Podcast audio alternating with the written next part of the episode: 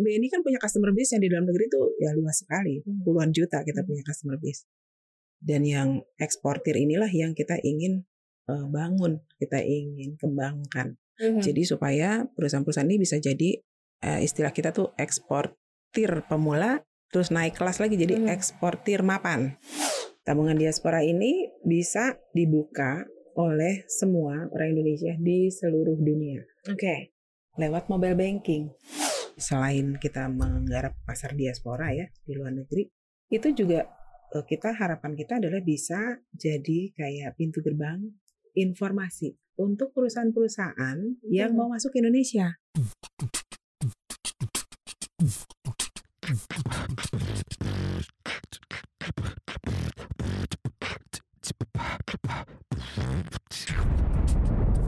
Cuap-cuap cuan.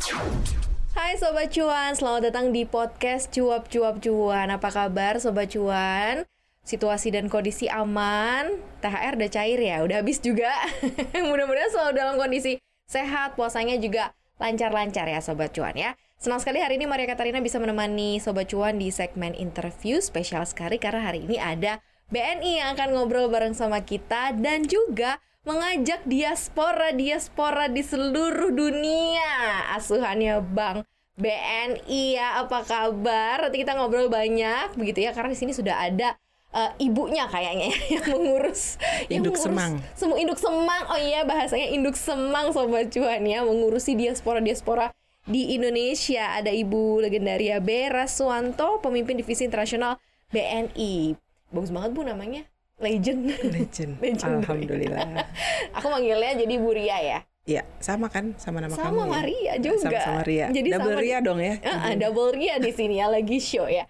Bu, eh tadi kan aku mention nih ke Sobat Cuan ya. Jadi induk semang, diaspora di seluruh dunia Hmm. berarti ya. Berapa negara Bu berarti Bu total? Kalau BNI sendiri itu sekarang ada di enam negara. 6 negara ya. Mana ada aja? sembilan outlet ya. Kita punya sembilan outlet, tapi ada di enam negara. Di Asia kita ada di Singapura, Mhm. Ada di Hong Kong, Seoul, dan di Tokyo. Mhm. Kalau di Eropa saat ini baru ada di London, London. Amerika juga baru satu. Kita ada di New York. Berarti kurang lebih berapa jumlah total tuh? 8 jutaan katanya ya. Kalau total diaspora Indonesia, Iya. sebenarnya kalau kita ngomong data diaspora Indonesia itu ada data yang berbeda-beda dari lembaga yang berbeda-beda. Karena kan nggak pernah ada mapping studi khusus gitu ya. Berapa sih jumlah diaspora? Kalau diaspora itu eh, dari beberapa data itu kebanyakan mengatakan antara 8 jutaan sampai ada yang bilang bahkan 15 juta ya. Eh, eh, saking Banyak. banyaknya. Tapi kita Kenapa pakai angka 15 yang juta? lebih banyak dikutip orang itu antara 6 sampai 8 juta. 6 sampai Itu 8 tentu nggak ya. semuanya orang yang berstatus WNI. Hmm, Kan hmm, banyak hmm, juga hmm. yang keturunan WNI Iya benar-benar. atau menikah dengan WNI atau pernah jadi WNI sekarang udah nggak lagi. Sekarang udah enggak Nah, gitu ya. Atau dia mungkin keturunannya kakeknya neneknya dulu orang WNI. Hmm, tapi anggaplah itu jadi tercatat sebagai diaspora juga Iya, gitu ya. Iya. Itu repot nggak sih ngurusin segitu banyak diaspora bu kalau di BNI bu gimana sih bu? Kalau diaspora yang WNI ya saat Mhm, ini mhm. kalau kita ngomong diaspora WNI itu kira-kira kan sekitar ada 4,7 juta. Yang ada di negara-negara di mana ada BNI-nya, Mhm. tadi enam negara tadi itu, itu kira-kira ada 600 ribuan. Hmm, Nah, Kalau kita lihat demografinya nih, demografi terbesar diaspora Indonesia itu dari yang 4,7 sampai 5 juta itu, itu 70% itu adalah pekerja migran Indonesia. Oke. Hmm, Sisanya itu sekitar 10% itu pelajar, Mhm. mahasiswa Mhm. ya, researcher juga di uni-uni gitu. Eh, sisanya nanti ada profesional, ada spouse, ada anak dan lain-lain. Jadi kalau mau dibilang eh, yang mana sih yang banyak dilayani oleh BNI saat ini? Mhm. Kalau kita ngomongnya yang paling banyak, ya paling banyak PMI tentunya. Hmm, hmm, pekerja Eh, migran ya. Iya, tapi yang dilayani BNI selama ini selain PMI yang cuannya paling banyak gitu ya. Karena buat sobat cuan jadi harus ada cuan-cuan juga dong. Jadi yang cuannya banyak itu tentu dari perusahaan-perusahaan. Mhm. Kalau dengan diaspora yang individual, apalagi PMI, kita kan bukan bank yang 100% profit oriented. Berarti perusahaan-perusahaan mil- milik eh, diaspora di luar atau Ya, jadi perusahaan milik diaspora itu bisa jadi dia itu adalah subsidiary Mm-mm, anak perusahaan dari grup perusahaan di Indonesia, ya kan? Bisa juga dia ini buyer atau seller dari perusahaan-perusahaan asal Indonesia. I see. Jadi dia oke. beli barang atau jual barang ke perusahaan-perusahaan Indonesia gitu. Kalau selama ini sih BNI memang banyak eh, dapat cuannya nih, dapat cuannya itu dari perusahaan diaspora eh, yang levelnya tuh corporate lah. Kita kalau di perbankan tuh kan bagi-bagi segmen ya. Ada corporate banking, ada commercial banking gitu, ada personal banking.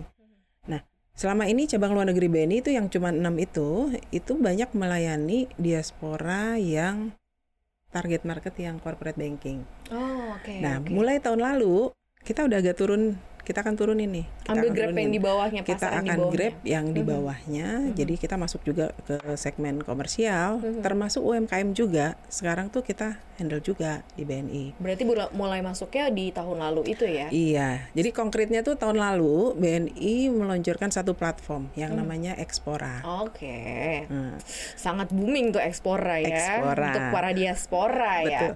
Expora itu sebenarnya akronim kan? Uh, akronim dari ekspor dan diaspora.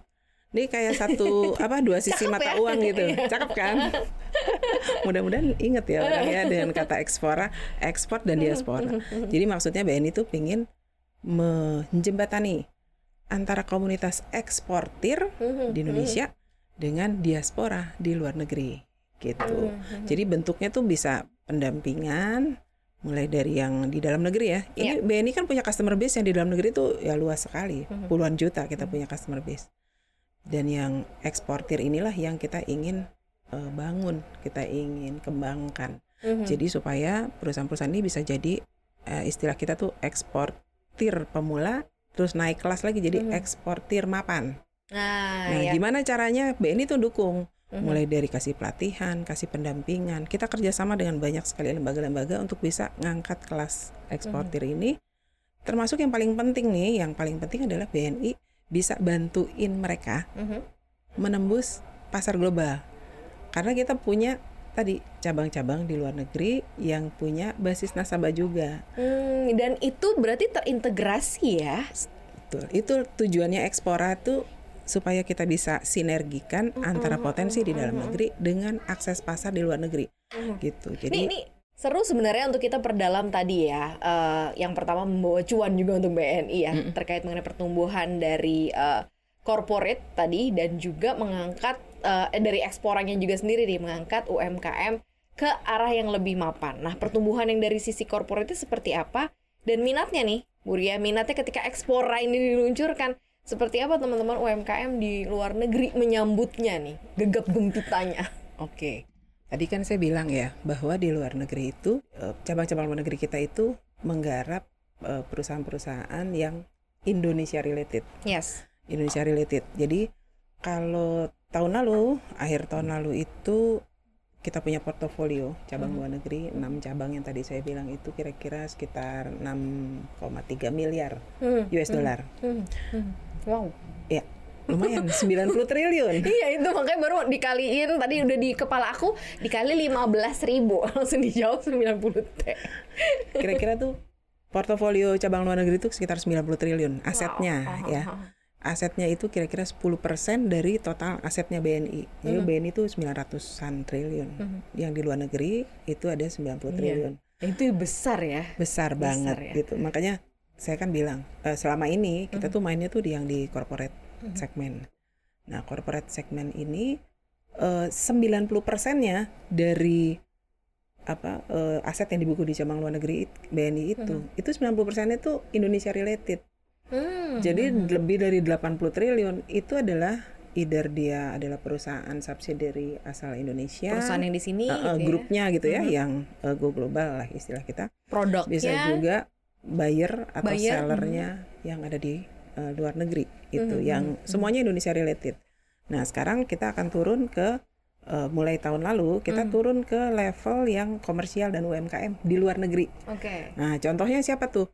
Contohnya misalnya eh, importir-importir produk-produk Indonesia, Mhm. distributor Mhm. eh, produk-produk Indonesia di luar negeri, trading house, Oh, Iya, iya. ah trading house juga, Hmm. termasuk juga ini apa eh, pengusaha kuliner, mbak, Mhm. pengusaha kuliner apa kuliner ada punya restoran, ada kafe gitu, Mhm. Indonesia di luar negeri. Dan itu banyak ya, Banyak, banyak banget ya. banyak. Dan pemerintah punya program khusus ya, namanya Indonesia Spice Up the World. Pernah Mhm. dengar gak? Indonesia Spice Up the World itu eh, cita-citanya tuh pemerintah ingin punya tambahan 4.000 restoran Indonesia di luar negeri. Hmm. Nah, Kita tahu dong kalau kita Jadi keluar ini kayak negeri. sem- semacam kesempatan juga untuk diaspora ya. Nah, itu. Karena kan program pemerintah ya kan. Betul, betul. Mhm. BNI juga ikut di sini. Jadi eh, kita fasilitasi perusahaan-perusahaan ini. Jadi kalau misalkan tadinya tuh dia pakai food truck atau delivery, Mhm. kita bisa kasih pembiayaan dengan skema yang fleksibel, Oke, oke. dengan eh, suku bunga yang apa bersaing, Mhm. tapi pasti kita tetap tunduk ya sama ketentuan di negara yang bersangkutan Mhm. gitu. Itu dengan adanya eh, bisnis diaspora yang kita turunkan eh, ke level yang lebih komersial dan Mhm. UMKM itu secara tidak langsung kita itu mendukung ekspor Indonesia.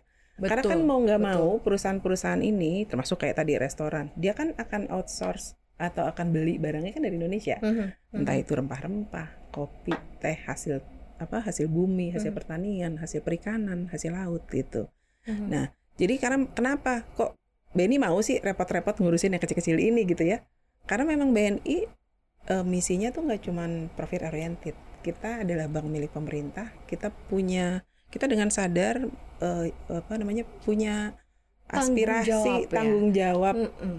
untuk juga berkontribusi terhadap perekonomian nasional Mhm. gitu kan dengan makin apa namanya boomingnya bisnis diaspora di luar negeri otomatis kan mendukung peningkatan ekspor Indonesia. Benar, Itu artinya benar. kontribusi kita terhadap eh, ekonomi Indonesia. Hmm, Ya sama aja lah ya Gitu. kayak kita walaupun mau tinggal di mana juga yang dicari apa sih gitu Nah, kan. Sambal juga, ikan asin pasti kan kayak gitu Ada ya. satu merek tuh yang selalu dicari orang luar Mm-mm, negeri. seleraku ya. Itu nggak nyebut ya merek. nggak boleh disebut ya. Nggak boleh disebut. Tapi pasti itu jadi buruan ya. Warga-warga lokal sana juga pada doyan ya. Berarti banyak sekali kesempatan sebenarnya. Nah, kita kan bahas mengenai jawab kebutuhan eh, diaspora kita di luar negeri nih ya, apalagi untuk terkait mengenai pembiayaan. Nah, mereka tuh harus eh, apa yang harus mereka eh, miliki gitu ya? Misalnya kayak bisa nggak sih datang dengan proposal aja, misalnya kayak ah, Bu Ria, saya mau jualan ini, anak ini itu. Tapi mereka belum mulai nih, memang mau minta pembiayaan Hmm, aja hmm, gitu. hmm. Atau sebenarnya BNI pun juga harus ngelihat dulu nih usaha kamu sudah serunning apa sih? Pasar di tempat kamu berada tuh memang sudah sebaik apa sih baru mereka bisa dapetin ben- benefit yang tadi Bu Ria sampai ini dari BNI atau seperti apa yang harus disiapin nih teman-teman diaspora yang mau usaha. Oke. Eh, BNI pasti kalau melakukan satu bisnis di luar negeri itu harus tunduk sama ketentuan setempat. Betul. ya kan saya Mm-mm. tadi bilang jadi ada pakem-pakem atau ada standar-standar eh, kalau di perbankan tuh bilangnya risk management atau risk mitigation Mhm, yang mhm. harus dipenuhi ya kalau perusahaan yang sama sekali baru Mhm.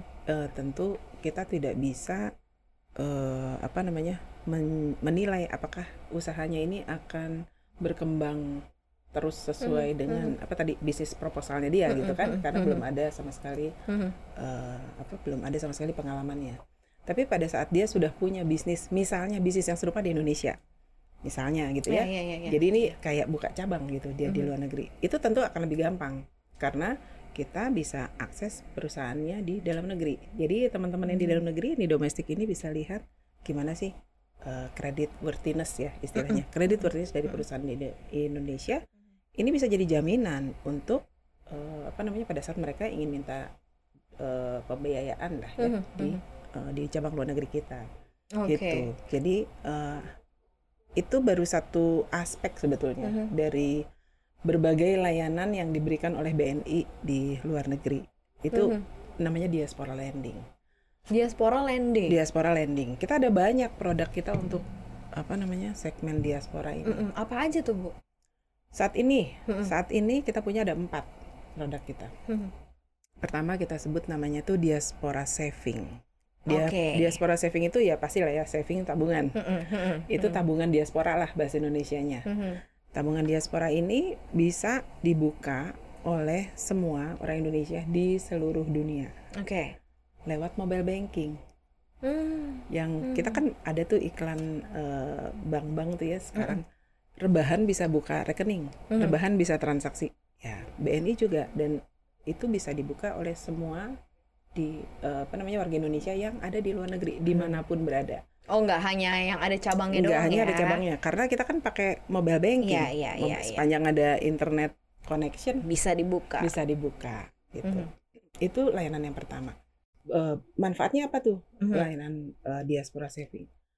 Pada saat dia melakukan kiriman uang, Mhm. kan masuk ya ke rekening ini, Mhm. masuk ke rekening si diaspora saving ini, terus dia kan bisa transaksi untuk di Indonesia gratis. Nah, pakai mobile banking kayak udah di dalam negeri aja kan Nggak kita nggak membedakan. Mm-mm. Iya, Mau di mana-mana Mau di transaksinya mana-mana. ya. bisa gitu kan. mhm. Itu udah pasti gratis. Jadi tadi kan eh, saya katakan eh, bisa gratis Mhm. ya kan bisa gratis karena nggak ada bedanya dan uang itu itu kan otomatis masuk sebagai devisa Indonesia mhm. Jadi, Iya, benar, itu benar. udah secara langsung itu membangun eh apa membantu pembangunan Indonesia karena Mhm. duitnya kan dipakai di dalam negeri jadinya Mhm. Nah, produk yang kedua itu namanya layanan diaspora remittance Oke. diaspora Kayak remittance money itu ya. ya jadi di beberapa negara di mana kita Mhm. ada KCLN cabang luar negeri kita nyebutnya KCLN KCLN. Hmm. Kantor cabang luar Kantor negeri. cabang luar negeri. Kita punya platform, Ah. platform e-wallet gitu ya. Aha. Eh, kita kerjasama tentu sama fintech setempat, fintech lokal. Oke. Oke, jadi mereka bisa ngisi dari uang tunai masuk jadi e-wallet ya, Mhm. jadi uang eh, cashless di Mhm. e-walletnya. Terus Mhm. nanti dia bisa kirim ke eh, ke mana aja gitu, kirim termasuk ke BNI. Jadi dia bisa install eh, apa namanya aplikasi itu. Ini terutama yang saat ini udah kita punya layanannya itu di Singapura Oke. di Singapura namanya BNI More Mobile Remittance. Mobil remittance. Ini yang gampang-gampang diinget ya. iya. Ke depan eh, saat ini ya Mhm. kita lagi eh, persiapkan juga kerjasama kita dengan fintech fintech setempat di negara-negara lainnya. Mhm. Jadi eh, sangat mudah, sangat murah juga dan Mhm. sangat cepat eh, waktu untuk yang dibutuhkan oleh teman-teman di luar negeri untuk melakukan transaksi pengiriman uang Mhm. gitu. Itu yang kedua. Kemudian yang ketiga itu layanan tadi diaspora lending yang saya bilang. Mhm.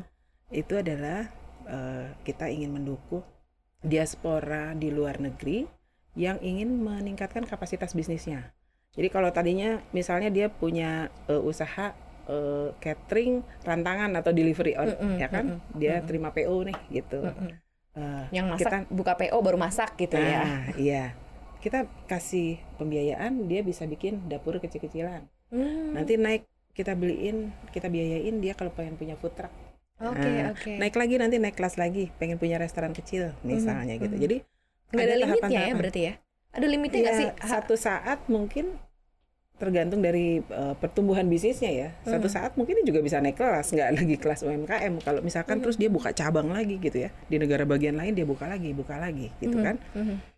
Itu yang ketiga, diaspora lending. Jadi kita punya uh, produk pembiayaan untuk UMKM diaspora. Jadi Mhm. diaspora yang punya bisnis gitu ya. Nggak cuman restoran loh. Jadi kayak Apa pun trading ya. house misalnya gitu, trading Mhm. house. Ada beberapa trading house itu yang sekarang tuh lagi proses di kita karena uh, mereka selama ini udah ngimpor barang dari Mhm. Indonesia, uh, terus dikemas gitu ya, terus didistribusikan apakah itu ke uh, retailer langsung atau Mhm. ke supermarket supermarket gitu. Mereka ingin eh, ini deh saya pengen bikin kayak eh, apa display gitu Hmm. biayain dong jadi Hmm. saya punya warehouse saya mau gedein gitu tapi nanti warehouse-nya itu eh, bisa didatengin orang bisa buat ngelihat sampel-sampel Mm-mm, gitu ya Mhm. sampel-sampel produk yang akan kita jual gitu jadi dia naik kelas kita juga seneng karena berarti yang sudah dikerjakan oleh teman-teman di dalam negeri oleh si Expora tadi kan kita punya Expora Hub ya Mhm, namanya di mhm. dalam negeri itu ada tujuh itu adalah produk-produk yang sudah dikurasi dikurasi dalam arti mereka itu bisa memenuhi permintaan yang kualitasnya bagus Ya, kualitas ya, ekspor ya, pasti ya. bagus kan Mhm. kualitasnya bagus kuantitasnya cukup Mhm. dan kontinu gitu karena Mhm.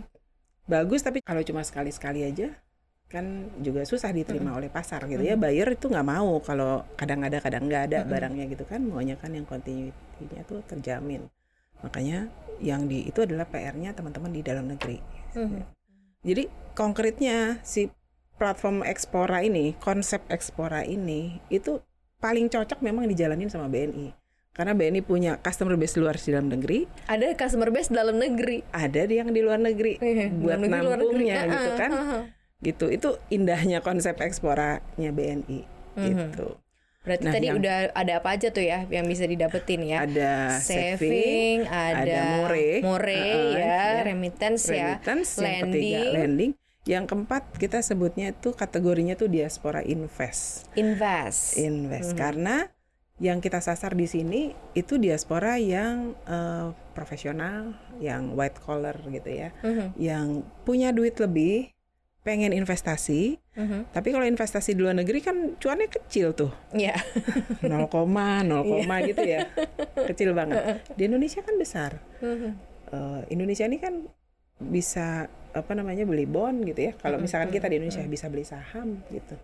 Nah itu kita fasilitasi juga. Jadi mereka yang pengen investasi di instrumen-instrumen di dalam negeri. Apakah namanya eh, surat berharga negara Mhm. atau surat berharga corporate itu bisa kita fasilitasi juga jadi saat ini tuh ada empat itu Itu untuk Empat. warga negara Indonesia atau terbuka juga untuk warga negara asing? Sebenarnya bisa warga negara punya. asing. Mhm. Cuma eh, kalau di bank itu ada apa namanya ketentuan yang namanya KYC AML, Mhm. Know Your Customer, No, ya, Anti Money Laundering. Mhm. Iya, Nah. itu dia. Nggak bisa ke tracking ya kalau Ya, dari luar ya. sepanjang nasabah itu lolos ya, profilnya itu adalah profil yang acceptable Mhm, gitu, mhm. Ya sesuai dengan ketentuan KYC AML setempat, eh, kita fasilitasi juga. Mhm. Terutama nggak semua WNA loh ya, ini WNA diaspora. Iya, oh ada WNA, ada ada darah-darahnya kita juga gitu ya. Iya, tadi kan mungkin keturunan Indonesia Iya, gitu keturunan dan juga nggak nggak di semua negara ya. Mhm. Karena kita eh, saat ini yang namanya apa anti teroris financing itu kan lagi marak ya. Kita nggak mau juga melanggar ketentuan. Jadi kita hanya pilih negara-negara tertentu di mana WNA itu kita fasilitasi juga jadi nasabah BNI. Tapi tidak menutup kemungkinan ya.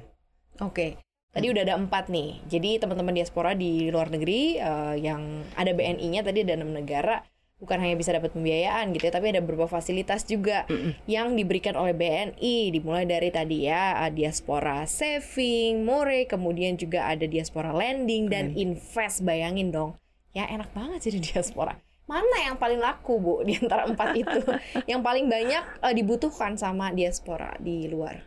Iya, kita mesti lihat target segmennya masing-masing. Tadi kan memang di luar negeri tuh diaspora kita tuh ada Jenjangnya banyak komunitas-komunitas ya. Oh, komunitasnya. Ada ya di kita bisa bedakan ada yang pelajar mahasiswa, Mhm, ya kan? Ada yang eh, pekerja migran Indonesia. Ada yang profesional.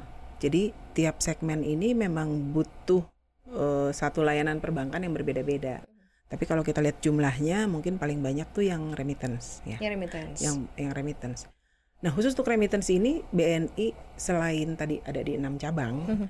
Kita tuh juga punya perwakilan sebetulnya. Kita punya yang namanya representatif di beberapa negara yang banyak eh, apa pekerja migran Indonesianya. Jadi Mhm. kayak di Malaysia kita punya rep, kemudian di Taiwan, Mhm. di Saudi Arabia, ada di UAE juga. Itu Oh, oke. itu memang eh, kita tempatkan karena kita lihat eh, potensi untuk kiriman uangnya itu cukup tinggi dari negara-negara tersebut dan tadi kan saya bilang makin banyak uang yang masuk ke Indonesia artinya makin banyak devisa yang Mhm. masuk bisa untuk mendukung pertumbuhan. Pertumbuhan Ekonomi di negara Indonesia. kontribusinya makin Betul. besar. Kita kalau lihat di India atau di eh, apa Filipina ya, Mhm. kalau kita lihat itu benar-benar sampai ada kementeriannya sendiri loh yang ngurusin diaspora mereka gitu. Indonesia Saking, butuh nih kayaknya. eh, saking banyaknya besarnya potensi yang bisa digali. Itu kan sumber yang luar biasa ya. Kita Mhm. bisa punya 8 juta sumber eh, apa namanya kekuatan untuk mendukung yang di dalam negeri, pertumbuhan di dalam negeri Mhm. gitu. Itu yang pengen kita tap. Akan ada eh, perkembangan lebih lanjut nggak sih selain tadi enam negara itu mungkin akan ada negara-negara lain yang digarap Insya sama Allah. BNI nih kira-kira sobat cuan udah kisi-kisinya kali aja nih sobat cuan ada yang mau pindah ke mana gitu kan ah nungguin BNI dulu di situ ada gitu ya Jangan khawatir kan BNI punya digital platform. jadi mau di mana aja juga bisa sebenarnya di mana ya aja tuh bisa. Kita accessible kok gitu. Tapi kalau kita ngomong pengembangan eh, BNI, jaringan BNI di luar negeri, Hmm. itu memang dalam waktu dekat ini, nggak lama lagi lah di Hmm. Q2 ini kita akan resmikan satu eh, kantor perwakilan Jaki di luar Hmm. negeri itu di salah satu negara di Eropa. Saya nggak tahu nih udah boleh ngomong apa enggak. Tapi Ah, coming soon. Tebak-tebakan. coming soon. Kriterianya tuh sebenarnya kalau kita melebarkan eh, sayap gitu ya, nambah satu outlet lagi di luar negeri, itu kriteria tuh jelas clear banget. Satu diasporanya pasti banyak di situ, ya kan? Oke, di Diasporanya Eropa pasti- diasporanya banyak. Diasporanya banyak. Terus flow perdagangan antara kita dengan negara tersebut pasti harus tinggi. Mhm. Jumlah perusahaan yang Indonesia related itu juga mesti banyak. Dan eh, yang terakhir investasi dari negara itu ke Indonesia. Kayak kita ngomong FDI nih, foreign Hmm, direct investment dari luar negeri ke Indonesia itu juga mesti tinggi. Mhm. Ini kita dari tadi belum touch untuk yang foreign direct investment kan ya? Belum. Belum. Di-mention sama Ibu makanya FDI ini. Gimana nih, Bu? Jadi cabang luar negeri kita itu yang tadi selain kita menggarap pasar diaspora ya di luar negeri, itu juga eh, kita harapan kita adalah bisa jadi kayak pintu gerbang eh, informasi untuk perusahaan-perusahaan yang Hmm. mau masuk ke Indonesia Hmm. gitu. Jadi Hmm. kita bisa jadi eh, kita bisa menawarkan eh, oh sorry bukan menawarkan memberikan market insight lah mengenai Indonesia Mhm. kita bisa kasih misalnya eh, eh, apa pihak-pihak eh, yang bisa berkolaborasi dengan mereka Ya. gitu ya Ya. karena tadi balik lagi di BNI di Indonesia pasarnya tuh besar customer base-nya tuh besar Aku pun customer BNI juga. Alhamdulillah.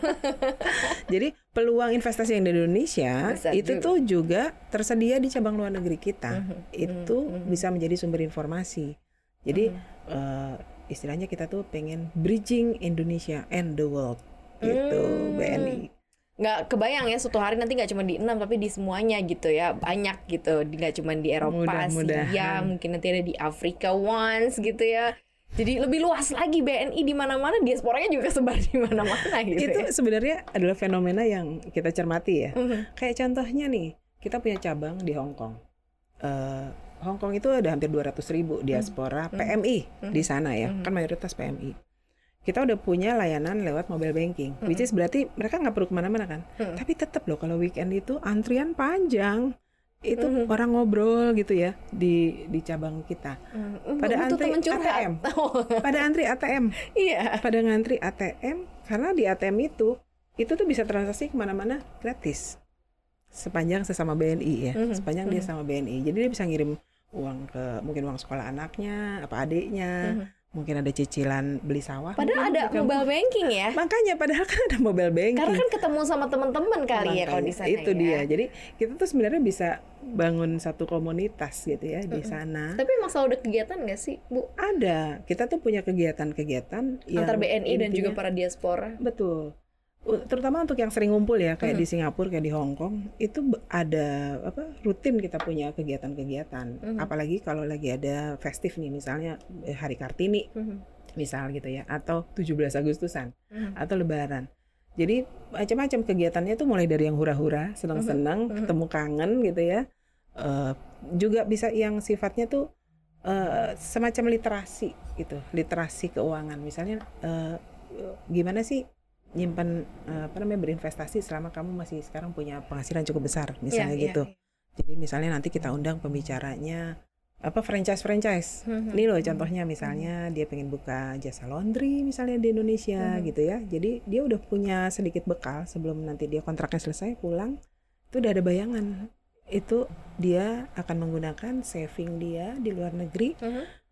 untuk usaha yang produktif di Indonesia. Kan membuka lapangan pekerjaan tuh di Indonesia. Itu sih yang penting ya Iya. cari duitnya eh, udah susah payah ya nyimpannya juga harus bener udah gitu bisa dibawa juga ilmunya pas di Indonesia pun juga Betul. nggak kehabisan apa ya cara juga ya karena sudah banyak informasi nah mungkin produktif terus gitu kan. produktif terus Mm-mm. teman-teman eh, para diaspora atau calon diaspora mungkin ada yang udah mau berangkat kali di Mm. luar dengerin kita nih ada syarat-syarat nggak sih eh Buria artinya ketika memang mau mendapatkan fasilitas dari BNI tadi Yang mana nih maksudnya? B Fasilitas ya yang landing mungkin gitu ya atau mungkin yang standar sih sebenarnya Hmm. kalau syarat-syarat itu standar ya pasti untuk semua transaksi kita perlu identitas yang Hmm. clear kan ya Mhm. Eh, kalau untuk transaksi remittance kita kalau di atas jumlah tertentu mungkin kita perlu proof of fund misalnya gitu Mhm, jadi mhm. standar aja sih kalau apa requirementnya nggak ada satu hal yang spesifik. Selagi. WNI gitu ya. Betul. Sama lah. Semua Semua, syaratnya ya? tuh sama dengan yang di Indonesia.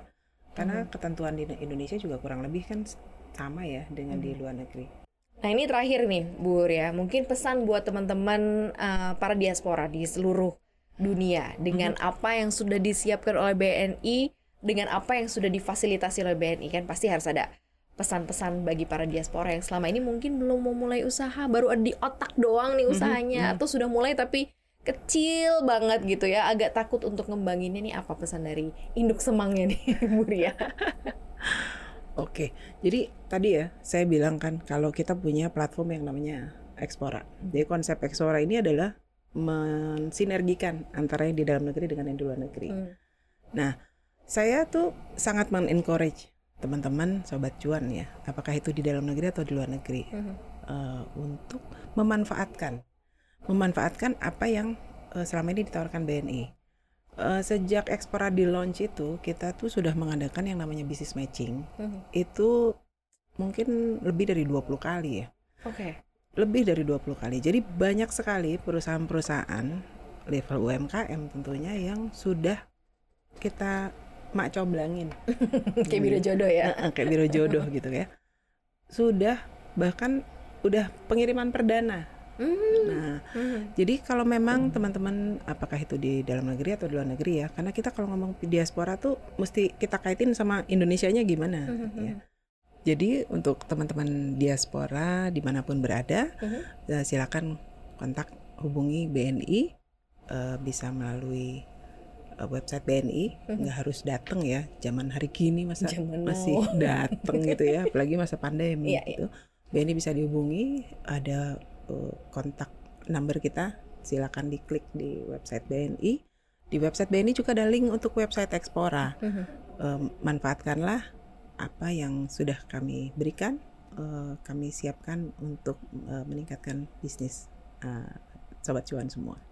Sobat Tuan dan juga para diaspora ya. BNI hadir melengkapi dan menjawab kebutuhan para diaspora di seluruh dunia. Pastikan juga bergabung bersama dengan komunitas yang ada yang sudah disiapkan oleh BNI dan enjoy fasilitas yang juga diberikan oleh BNI. Ini Betul informasinya sekali. informatif banget loh obrolan kita hari ini khusus untuk para diaspora dan calon diaspora mungkin yang udah siap berangkat untuk mau kerja, mungkin kuliah gitu ya di luar negeri daripada bingung ngapain berbisnis mungkin salah satu untuk menambah pudi-pudi dan juga cuan di negara tetangga ya jangan pernah ragu untuk itu thank you banget Bu Ria sudah hadir di Terima podcast kasih. Cuap Cuan thank you juga untuk BNI yang udah bersedia untuk datang ke podcast kita hari Terima ini kasih ya. banyak Mbak Maria. Thank you sehat-sehat ya Ibu dan terima kasih juga Sobat Cuan udah dengerin podcast kita hari ini. Jangan lupa untuk dengerin konten podcast kita lainnya di Spotify, Apple Podcast, Google Podcast, dan juga Anchor. Jangan lupa follow akun Instagram kita di @cuap underscore cuan. Dan jangan lupa di subscribe juga ya YouTube channel kita di cuap cuap cuan ya. Di like, share, dan juga komen supaya kita juga semangat untuk bikin konten-konten menarik lainnya. Dan jangan lupa podcast ini juga ditayangkan di CNBC Indonesia TV. Double Ria, pamit ya Sobat Cuan. Bye. Sehat-sehat semua. Sehat-sehat.